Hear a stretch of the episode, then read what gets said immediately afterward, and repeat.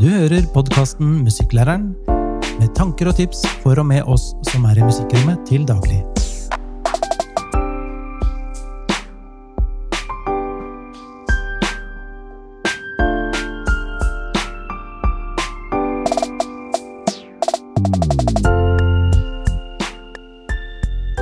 Hei, og velkommen til episode 21. Episode 21 skal handle om eleven som utøver. Og hva mener vi med det, Eldar? Jo, det som før var hovedområdet eh, musisere, har jo i fagfornyelsen blitt til kjerneelement og utøve musikk. Det handler om å synge og spille og danse og framføre musikk i ulike sjangre. Og det handler også om uttrykket og formidlingen. Eh, Så hvis elevene utøver musikk, ja, da er de jo utøvere, da. Vi skal se litt nærmere på hvordan vi som musikklærere kan forsterke den rollen som utøvere. Og da har vi snakket med en profesjonell musiker som er god på det. Han er eh, trompetist i The Brass Brothers. Jan Magne Førde har spilt konserter, eh, tusenvis av konserter rundt omkring i hele verden, men har også vært veldig opptatt av det med å få barn og ungdom til å spille musikk på sitt eh, beste. Ja, og Jan Magne han kommer med utrolig masse gode tips. Eh, og han har fokus på at lek skal være veien til den seriøse utøveren. Eh, det blir både tips til eh, undervisningsinnhold, og jeg og Eldar skal etter intervjuet snakke om enda flere tips til hvordan vi kan gjøre eleven som utøver. Men aller først et par ord fra en annonsør. Syng det er en innholdsrik inspirasjonsserie der sang, bevegelse og stemmebruk står i fokus. Her finner du metodikktips, kanonsanger, body percussion og et utvalg av flotte låter. Du finner Syng det på notebutikken.no. Så med oss i dag har vi altså deg, Jan Magne Førde. Velkommen til Musikklæreren. Tusen takk. Jan Magne er eh, utøver på toppnivå, og så har du engasjert deg mye i å, det å få barn og ungdom til å utøve musikk også. Kan ikke du si litt om de to sidene ved deg selv, Jan Magne? Eh, jo, det kan jeg. Eh, jeg er jo eh, mann.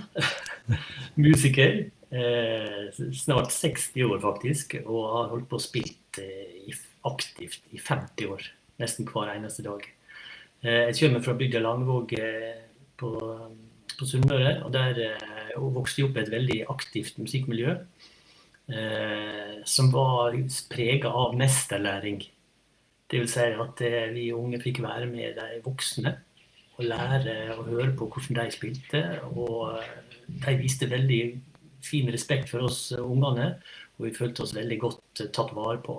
Det miljøet det bare blomstra veldig. Og fra bygda Langvåg nå så er det faktisk over 50 profesjonelle musikere. Og det er jo helt unikt i Norge. Hvor, hvor stor befolkning da?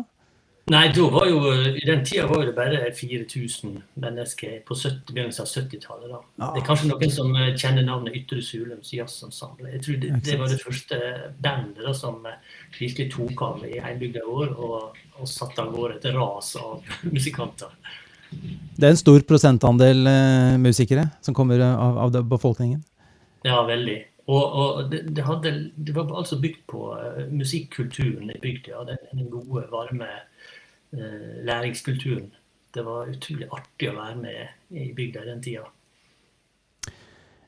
Hvordan har det formet eh, deg som musiker?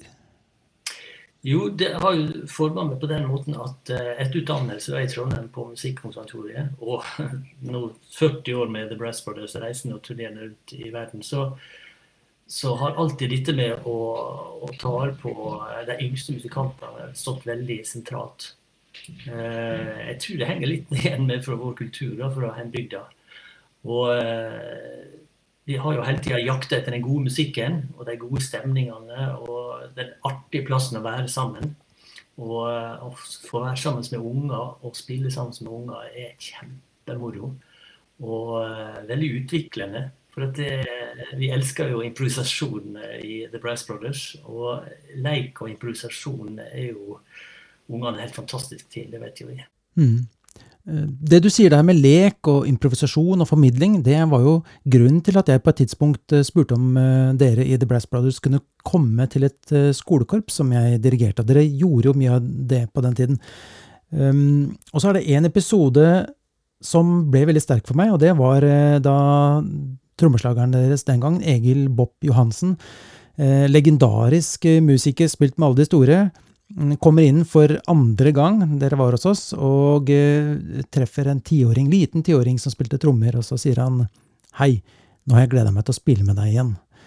Og hvordan vi så at denne lille tiåringen vokste, og hvordan etter hvert hele korpset gjennom møtet med dere i Brass Brothers eh, fant på en måte utøveren i seg, seg selv en seriøsitet og samtidig lekenhet og formidling. Eh, det var eh, veldig spesielt. Så med denne respekten eh, i bånn, så har dere fått veldig mange barn og ungdom til å spille og framføre mye fint. Eh, hvordan går det til? Eh, jeg nevnte jo litt tidligere her mesterlæring. Og det er basisen i Brass Brothers sin opplæring. At det vi viser foran, og så får de prøve å ape etter oss. Analog læring, altså. Og eh, dette er den gode, gamle metoden. Vi, vi går utenom notene med de yngste. For det, for mange er det veldig komplisert og intrikat og kan stoppe musikalsk eh, utvikling og glede. Så vi går rett på musikken. Vi spiller en tone. De lytter, kjenner etter og prøver å ape etter. Og hvis ikke de spiller nøyaktig samme tone som vi, så er det like mye verdi. Mm. For det, det, her handler om bare å kommunisere og lære å bruke musikk som en kommunikasjonsform og oppleve, kjenne etter. Bruke hele sanseapparatet. Det er det vi er veldig bevisst på i The Press Brothers. Ja, Det er spennende, for det betyr jo også at når jeg, lager, jeg som musikklærer lager et musikk, eller et, et samspillopplegg, så hvis jeg skal bruke formen deres, så skal, jeg, eh, så skal, elevene lære det ved at vi spiller sammen. Ikke ved at jeg forklarer og forklarer og forklarer, eller kanskje heller ikke Hva tenker du om det? Kanskje heller ikke med en video som viser, men at jeg faktisk viser. Sånn gjør vi, og så nå er det din tur. Så er det min tur, og så er det din tur. Den formen for mesterlæring. Ja.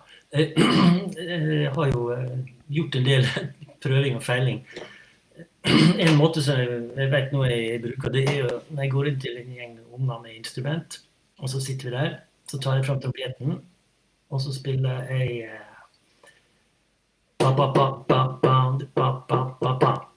Prøv å spille den rytmen der. velg den tonen dere vil. Den dere syns er finest. Spill den rytmen. Og rytme og unger det er, helt, eh, det er superfascinerende. De klarer det mest utrolige. Så, men det som er det spesielle, er at tonen blir jo en slags cluster. Det blir jo bare en toneklump. Og det syns jeg er fint. Rett og slett. Jeg er ikke så opptatt av at nå skal alle treffe den tonen. Nei, ikke du. Nei, vent. Prøv å treffe den tonen. Og så begynner vi da å rote oss inn i eh, tid som forsvinner. Ikke sant? Vi mister spontanitet og, og, tid. Vi går heller rett på det viktige her, og det er opplevelsen at jeg føler at det, wow, her går det fort. Plutselig så glemmer de tid og sted, og det er den perfekte tilstand. Vi kan bare musisere lenge, og så plutselig ringer det ut. ja. Glemme tid og sted. Ok, det er herlig. Um, og, og, noe av det, Jeg skrev jo også en, en hovedfagsavhandling jeg, faktisk, om eh, arbeidet deres. Uh, og, og et, noe av det som jeg la merke til da, som jeg for så vidt også du sier, tror jeg, det er at uh, gjennom denne måten å lære å spille på, så blir man veldig lyttende. For det er bare lytting, det er bare øret du bruker for å lære. Det er ikke så mye, i hvert fall, det er noe av det visuelle, du ser jo den som spiller, men, men det er først og fremst øret. Så man blir lyttende, og lytting er jo så viktig i samspill. Ja, herlighet. Um, I Brass Brothers så lytter vi 90% av spiller 10, pleier vi å si. Jeg å sette litt på spissen. For det, det, er jo uh, samspillet som er det viktige her. Og, eh, og, dette er jo en fantastisk formel både for uh, å være sammen, vi mennesker, og det gjelder jo både unge og voksne. Og um, lytting absolutt i første, det første vi tenker på når vi møter, møter mm. unger. Så mer, mer, læring gjennom å lytte enn, enn, gjennom forklaringer, på en måte, sitter jeg med en følelse at det kan handle om. Mm. Jeg lurer på en ting. Fordi når du sier um at eh, du, du, tar bare fram trompeten, og så sier du 'velg en tone dere vil spille'. Um, da antar jeg at du snakker om at de også har et blåseinstrument? Ja, det gjorde ja. da. Det, så hvis vi skal se på det i et, et, klasserom da, hvor de kanskje ikke har blåseinstrument, er det da et poeng at de kan ha et instrument hvor de kan få velge tone sjøl, sånn at de får en sånn følelse av at de har valgt noe. F.eks. om de har klokkespill, eller om de spiller på garageband med piano. Eller tenker du at uh, så lenge de har et rytmeinstrument eller et eller annet de kan slå på, så vil de oppleve Jeg bare tenker hvordan vi kan, hvordan vi kan um, gjøre dette i et klasserom med andre instrumenter. Mm. Ja, selvfølgelig. Eh, det som jeg nevner her, det er jo når jeg blir hyra inn til å ha eh, korpsundervisning. Aspirant mm. nybegynnere på instrument.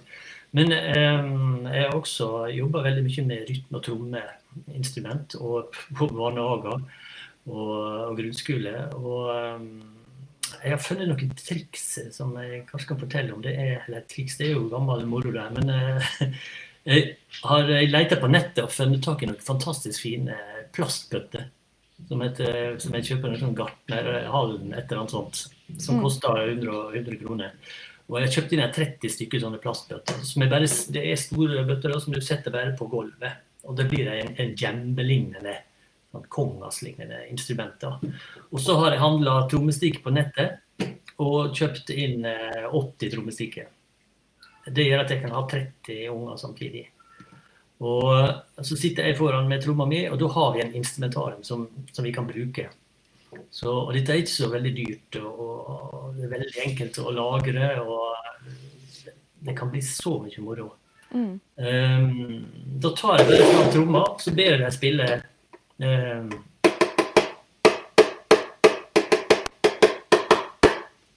når jeg får til det. Og da er vi i gang. Mm. Og, uh, men um, før jeg kommer dit, så ber jeg ofte liksom bare rable. Nå har vi det gøy. Nå slår vi vilt. Alle sammen for å improvisere. Og jeg som instruktør og lærer, jeg må jo bare tåle bråket. For det er jo en slags eh, kaos. Men eh, jeg har lært meg å like det der kaoset. For jeg ser så mye energi og så mye ja, livsglede i å bare få være fri. Ja. For ofte når vi kommer inn som lærer, så skal vi alltid ha struktur. Vi skal alltid ja, lære for oss noe. Ellers så blir mister vi jobben. Ja. Rett og slett. Vi, litt, vi, må følge læreplanen. Sånn, sånt. Men det, disse øyeblikkene der vi kan veksle mellom å ha totalt kaos, og så Hør her! Prøv en lyd. Og så ser jeg at det enkelte ikke får til. Så du lager en ny rytme. Dere kan spille akkurat som en sånn, sånn vi sier når vi skal gå på to. Og så til slutt sitter alle og slår den rytmen og synger den teksten. Så det er helt koko. Og, eh, og, så bygge ut den rytmen der med at neste rytme kan spille her første gruppe, og den andre kan spille én, to, tre. Ka-ka-ka-ka. Én, to, tre. Ka-ka-ka-ka. Så sette sammen det, og så videre. Der pauser vi intervjuet med Jan Magne litt for eh, å komme med et eksempel på hvordan vi kan lære melodier også i skolen med denne type mesterlæring, eller ved å lytte eh, på en som spiller foran. For dette har jeg gjort eh, med klokkespill, man kan like gjerne gjøre det med andre instrumenter, tangentinstrumenter. At vi, vi spill, skal spille en melodi. For eksempel har vi noen ganger skulle spille Eight Days a Week, Beatles-låt. Begynner med en H, og da sier jeg til elevene hvilken tone de skal starte på. Bam, så spiller jeg kanskje en rytme, bam, bam, bam, og så gjentar de rytmene til meg, og så begynner jeg å spille bam, bam, bam. Og så er det i begynnelsen på melodien, så spiller de akkurat det samme. Så må de høre hvor skifter jeg tone, hvor går jeg ned, hvor mange toner går jeg ned. Og så blir det bam, bam, bam, bam, bam, bam, etter hvert, da, med litt trening. På den måten så kobler elevene på øret hele veien og er veldig lyttende, på samme måten som Jan Magne fortalte om eh, med trompeter i korps. Så denne type gehørspill kan vi få til i skolen også. Gehørspill altså som å, å spille på øret, lære seg ved hjelp av øret, får vi til i skolen. Og en suksessfaktor da, det er å redusere antall toner å velge mellom. Så på stavspill kan man jo ta bort noen toner, eller hvis det er tangenter eller andre instrumenter, så kan man si at nå er det disse tre tonene eller disse fire-fem tonene vi spiller på, og at eleven alltid vet hvilken tone vi begynner på, så at de henger med fra start. Bruker øret til å lære seg det. Jeg tenker ofte på samspillet som fire faser. Eh, først er det innlæringsfasen, som vi nå har snakket om. Og så er det øvefasen, der man skal bli bedre og bedre. Så er det framføringen, konsert eller en annen type framføring. Og til slutt å ikke å forglemme den delen etterpå, når man eh, skal ta imot applausen, suge på pastillen og være fornøyd og på en måte lære av det man har gjort og få det med seg videre. Så da spurte vi Jan Magne videre om hva, hvordan de tenker rundt den øvefasen, sett fra det profesjonelle ståstedet, hvordan de har jobbet. Ja, leker mye der også, faktisk. Og så er veld, veldig bevisst på bevegelse når det gjelder unger. At de sitter for lenge stille, det er krise. Og jeg har hele tida noen løsninger med noen artige danser. Så er det plutselig opp, opp og stå, strekk dere ut. Strekk dere ut skikkelig. Jeg har en katt som heter Tarzan. Han ligger på badegulvet og strekker seg skikkelig ut. Gjør sånn nå.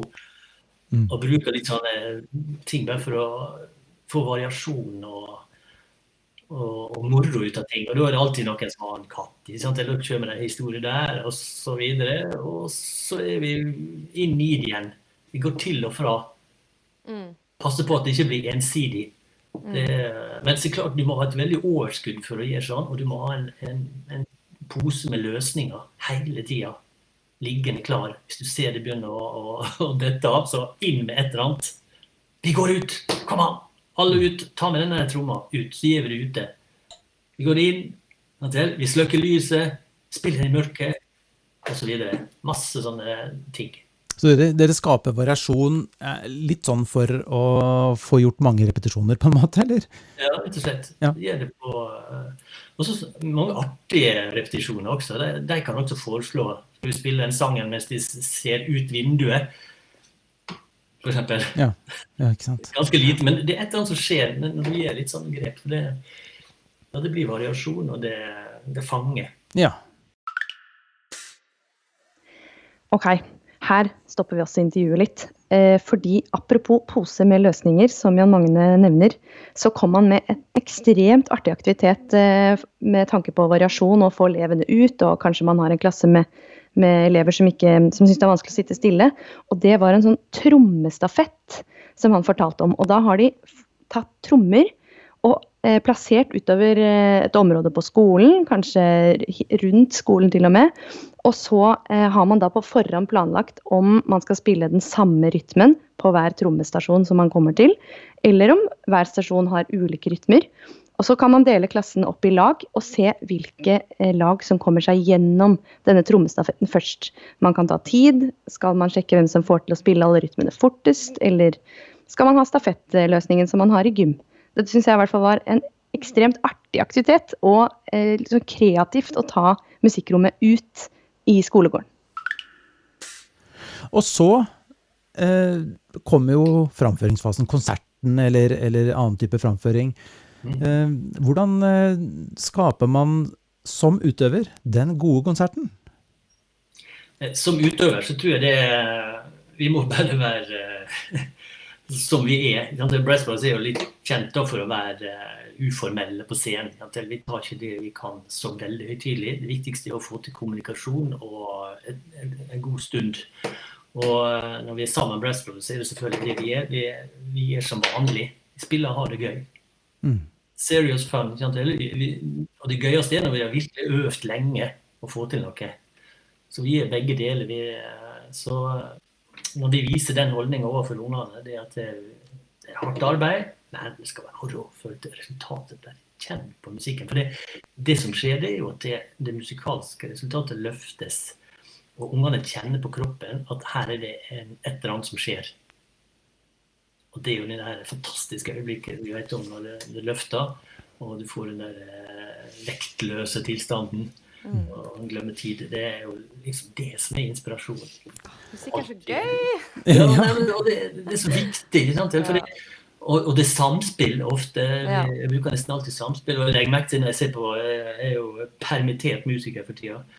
Jeg ser på stafetten i går, og jeg merker når jeg vinner altså, Det første de sier, er at det, det, er så gøy å vinne sammen. Som, som lag. Det er det som er gøy. Tenk og Det er jo dette vi opplever hver eneste dag med Brass Brothers. Samspill. og være sammen. Vi vinner gullmedalje hver dag, føler jeg, ved å, ved å være der og, og, ta dette på alvor. Jeg tenker på to ting når du sier dette, Jan Magne. Det ene er eh, verdien av, og det, og det har jeg prøvd ut selv også, verdien av å legge inn litt moro i konsertene. jeg har noen ganger hatt sånn, når vi, når vi spiller konsert, så, eh, eller, synger, da, eh, kor f.eks. på skolen, så kan jeg holde opp en liten plakat som, som eh, f.eks. Bare med et bilde av et smil på, eller et eller annet sånt noe, for å minne om å liksom, holde hum- humøret oppe når vi, når vi synger. Så, så mens vi framfører, så det ser jo ikke publikum, så kan jeg holde foran brystet mitt, så holder jeg bare en liten plakat med et eller annet. Og noen ganger så har jeg skrevet noe litt rart på den. Så mens de eh, framfører, så, så får de en sånn merkelig beskjed. Og da begynner de sånn å småflire. Det ødelegger ikke sangen, men det bare liksom skaper en ekstra trøkk i det vi holder på med. da. Absolutt. Og eh, jeg legger sånn musikalsk så har det veldig effekt når vi flinke musikere gjør rare ting på instrumentet. Lager andre lyder. Vi har eh, fantastiske Kenneth Ekornes på perkusjon. Han har jo en, drømmekoffert med 80 forskjellige lydinstrument som han deler ut. Og når vi kan lage da jungel, f.eks., der alle ungene får være med og, og lage lyder og lytte, og han kjører med den der lille høna si, den gule høna, når den liksom er Kjempemoro. og da liksom lyder, og da lytter alle. Liksom. Det er bare en fantastisk bra greie. Og eh, vi eh, prioriterer å få dette med i konsertene våre, den der lekebiten. Men det er jo veldig nært opp til jazz, da. Ja. Så det føles veldig naturlig for oss å gjøre det. Jo, men, ja, det er det jo, men jeg tenker at det kan gjøres i eh, annen musikk også. fordi at eh, vel så er det mye improvisasjon, men det å få med humøret, det kan man gjøre i, i all musikk, tenker jeg da. Ja, herlighet. Det er altfor lite fliring. Ja, og, og eh, særlig med, med barn og ungdom, så tror jeg det er med på å øke opplevelsen, og på en måte også øke seriøsiteten. seriøsiteten for det, det, blir så, det blir så livfullt, og, og da får man eh, mye tilbake fra publikum, og, og det på en måte er en god sirkel. Da. Ja. Ja, dette syns jeg var veldig inspirerende. Jeg får lyst til å ha litt mer kaos. Du, vi skal til slutt uh, innom den, det som jeg har kalt den siste fasen, da, som, som jeg opplever er veldig viktig, og det er uh, hva skjer etter konserten? Altså etter framføringa. Og der mener jeg å huske, du får arrestere meg hvis jeg tar feil igjen, Magne, men jeg mener å huske at, eh, at dere snakket om i Brass Brothers at dere hadde en liten sånn regel om at uh, rett etter konsert, første fem minuttene eller sånn, så er det stille. Da er det ikke reaksjoner la liksom ting få synke et øyeblikk, sånn at eh, den som er eh, kanskje litt misfornøyd, ikke nødvendigvis får eh, snakke høyest og ødelegge for den som er superfornøyd. Husker jeg noe riktig her? Ja, du er nok det. Altså, jeg husker The Brassbrothers. Vi har turnert i 34 forskjellige land og har spilt 5000 konserter sammen. Og eh, det sier seg sjøl. Tenk deg alle feilspillinger vi har gjort i løpet av disse åra. og, eh, og hvor mange ganger vi har uh, skuffa hverandre. Vi har gjort noen ting som ikke funka, og, og sånne ting. Det som eh, vi har lært av det, er at vi ikke skal eh, krangle på tom mage. Det er en et viktig eh, læresetning for mennesker. Det er at vi må bare vente litt. Vi, eh, vi er affekt når vi går av scenen. Det er så mye adrenalin at vi kan si veldig mange rare, dumme ting som ikke som blir feil. Ja. Så det er jo egentlig bare det du nevner her, da. Ja, for jeg har, jeg har brukt det som inspirasjon også med elever. Vi har en sånn eh, årlig julekonsert, f.eks., med sjuende trinn. Og eh, da er det regel det er at eh, når den er ferdig, så for det første så skal vi ha en samling. Altså vi skal sette oss ned, Det, det er liksom ikke rett ut eller rett å rydde eller noe sånt. nå. Publikum ut, og da er det liksom ro og stillhet. Og så tar vi det sånn i fred og ro, tar vi litt sånn reaksjoner og tanker, og, og, og da skal vi suge på pastillen og juble litt og klappe litt for oss sjøl, og gjerne trekke fram ting som har gått uh, kjempebra. Og, og kanskje også si noe om det som ikke var så bra, for på en måte å ufarliggjøre det at ikke noen elever som kan, Kanskje en elev har bomma på en liten solistbit eller noe sånt. Nå, at vi, det kan vi trekke fram. Skal vi si noe om det og ufarliggjøre det, og gi applaus til den eleven som sto i det, på en måte, selv om det ikke gikk helt topp. Eh, Og jeg tenker at Den biten av samspillet er også viktig. Så både det å anerkjenne det som ikke er så bra, men gjøre det i rolige, ordentlige former istedenfor at det blir sånn en klageform.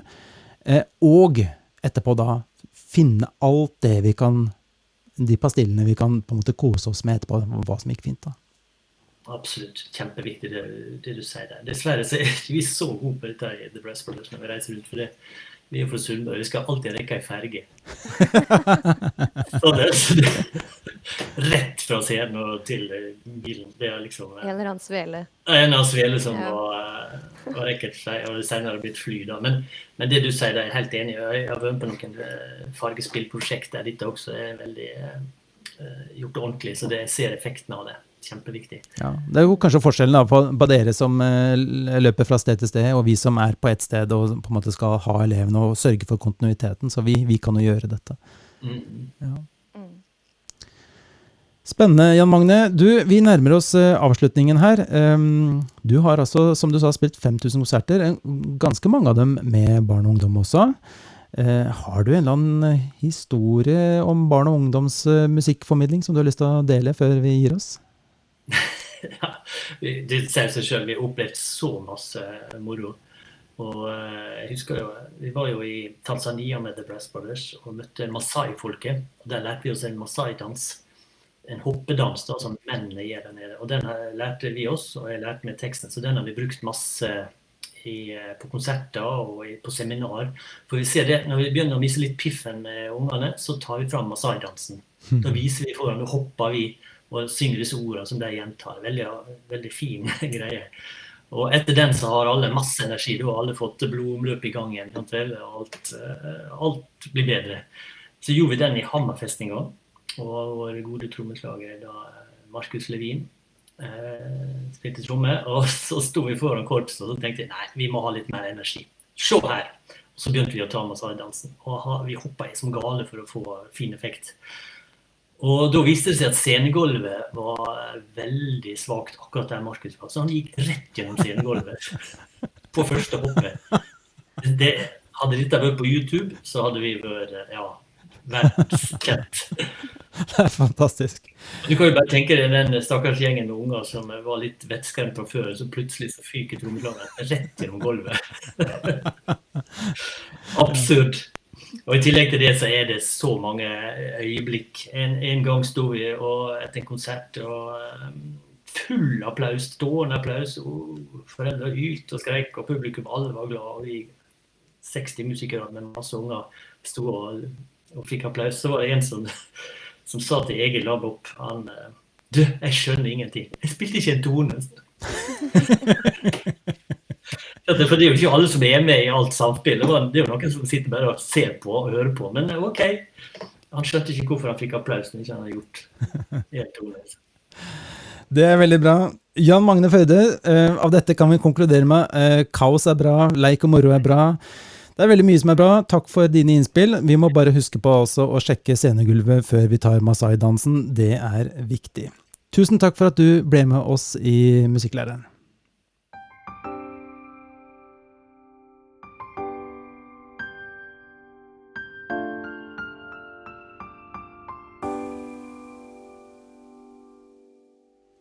Der forlot Jan Magne oss, men eh, Åshild, du har jo tenkt litt videre på flere gode tips, du. La oss få høre.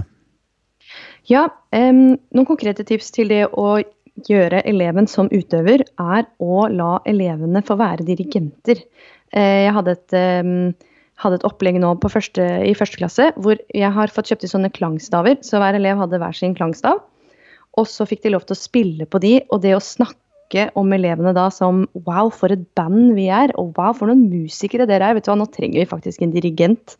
Og så kan jobbe med disse musikalske elementene som eh, dirigent. Så opplevde jeg at de bare de, altså de opplevde den musikken som så stor, og som en så utrolig stor ting å få være en del av.